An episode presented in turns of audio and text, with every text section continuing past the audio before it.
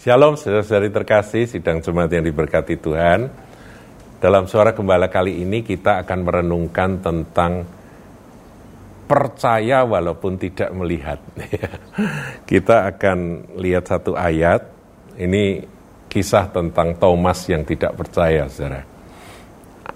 Dalam Yohanes 20 ayat yang ke-29 demikian. Firman Tuhan, kata Yesus kepadanya, karena engkau telah melihat aku, maka engkau percaya. Berbahagialah mereka yang tidak melihat, namun percaya. Saya ulangi ya, berbahagialah mereka yang tidak melihat, namun percaya. Kita tahu ya, Thomas itu kan ketinggalan. Murid-murid Tuhan yang lain sudah berjumpa dengan Tuhan Yesus yang bangkit. Mereka cerita, tapi Thomas ketinggalan, Thomas nggak ada di dalam kelompok yang melihat Tuhan, yang dijumpai oleh Tuhan yang sudah bangkit. Jadi Thomas e, berkata begini, kalau aku belum mencucukkan akan jariku ini di lub, bekas lubang di tangan dia, karena dia lihat Tuhan mati kan, dan di lambungnya aku tidak percaya. Nah, Sampai suatu saat akhirnya Tuhan menampakkan diri, Tuhan menjumpai murid-murid dan Thomas ada di sana. Kemudian secara khusus Tuhan berkata kepada Thomas, ya dia katakan, uh, kemudian ia berkata pada Thomas, ini ayat 27, taruhlah jarimu di sini dan lihatlah tanganku, ulurkanlah tanganmu dan cucukkan ke dalam lambungku. Dan jangan engkau tidak percaya lagi, melainkan percayalah. Nah, Thomas ya berkata, ya Tuhanku, ya Allahku gitu. Setelah itu Tuhan menyampaikan akan satu ayat yang kita perlu pelajari, kita perlu pegang teguh, saudaraku. Karena engkau telah melihat aku, maka engkau percaya. Berbahagialah mereka yang tidak melihat, namun percaya. Jadi ada orang-orang ya ini orang skeptis, yang kalau belum lihat, dia belum percaya. Ada orang cerita kesaksian seperti apa, dia nggak percaya. Meskipun kesaksiannya itu kesaksian yang valid, kesaksian di mana orang-orang yang bersaksi itu bisa dipercaya orang-orangnya, orang-orang jujur, orang-orang benar, dia tetap nggak percaya karena dia belum melihat dengan mata sendiri tentang apa yang diceritakan. Nah, saudaraku, hal semacam ini uh, sering kali menjadi ganjalan, menjadi halangan bagi orang-orang tertentu, karena dia berprinsip kalau aku belum lihat, aku tidak percaya.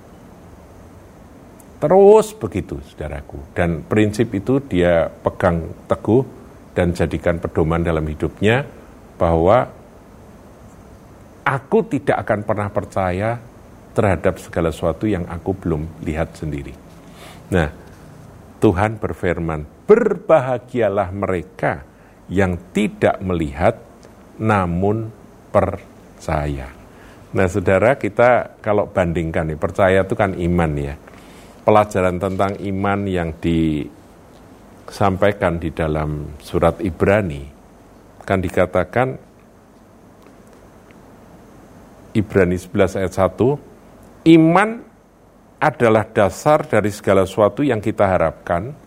Jadi kita mengharapkan sesuatu dasarnya itu iman yaitu percaya dan bukti dari segala sesuatu yang tidak kita lihat. Jadi ketika kita belum melihat apa yang dijanjikan kita percaya itu cukup, saudara. Itu sudah merupakan bukti. Jadi saudara dan saya itu sudah punya bukti bahwa bukti kepemilikan dari apa yang dijanjikan itu ketika kita percaya. Itu yang dimaksudkan dengan uh, Ibrani 11 ayat 1 ini. Saya ulangi ya, iman adalah dasar dari segala sesuatu yang kita harapkan dan bukti dari segala sesuatu yang tidak kita lihat. Jadi iman selalu berurusan dengan sesuatu yang memang belum kelihatan. Jadi kalau kita berbicara tentang surga, tentang rumah Bapa, rumah kekal. Itu memang kita belum lihat, saudaraku. Ada beberapa orang yang oleh anugerah Tuhan dia pernah diangkat ke surga, melihat di sana gitu ya. Tapi itu pun kan bukan secara fisik. Dia masuk dalam suasana roh, ya kan? Di dalam roh dia dibawa. Kalau fisiknya dia belum lihat, secara physically dia belum lihat surga. Tetapi kita yang mempercayai Tuhan Yesus berkata di rumah Bapakku ada banyak tempat kediaman dan sebagainya. Tuhan Tuhan yang menjanjikan kerajaan Allah pada umatnya yang percaya kepada dia. Kita percaya bahwa memang ada tempat yang kekal setelah kehidupan sementara ini selesai. Setelah dunia ini berlalu. Kita belum lihat, tapi kita percaya, dan percaya kita itu adalah bukti kepemilikan.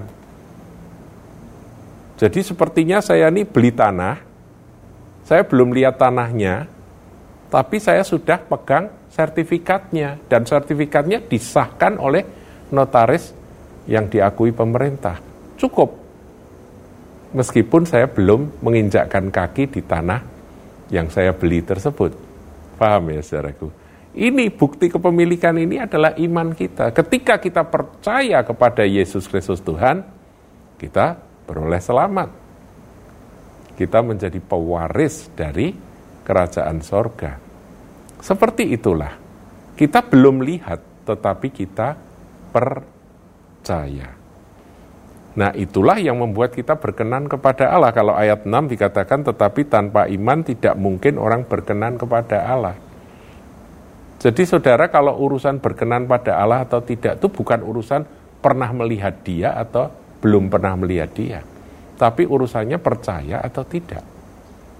Kalau kita punya iman, kita percaya, maka kita akan berkenan kepada dia, kepada Allah. Jadi ini prinsip yang harus kita pegang, saudaraku ya. Ilustrasinya begini, saudaraku. Ini ini ilustrasi yang saya dulu pada waktu saya orang Kristen mula-mula sering kali eh, saya dengar di dalam khotbah-khotbah. Ilustrasinya seperti ini.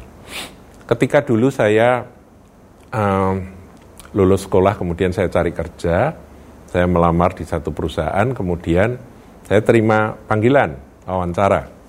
Nah, di dalam panggilan wawancara tersebut uh, rupa-rupanya bos yang mewawancarai saya uh, apa cocok dengan saya atau dia mantap dengan dengan saya untuk diangkat jadi salah satu uh, karyawan dia begitu ya waktu itu jadi kepala cabang gitu nah kemudian bosnya berkata dah kamu mulai masuk kerja bulan depan Wah saya senang saudaraku karena ya belum pernah kerja dapat dapat pekerjaan dan kemudian dia berkata gaji kamu sekian sebulan. Bagaimana? Kamu setuju? Ya karena belum pernah terima gaji itu waktu itu cukup gede saudaraku yang gaji yang dijanjikan cukup besar. Saya berkata ya terima kasih pak, saya siap kerja sebaik mungkin.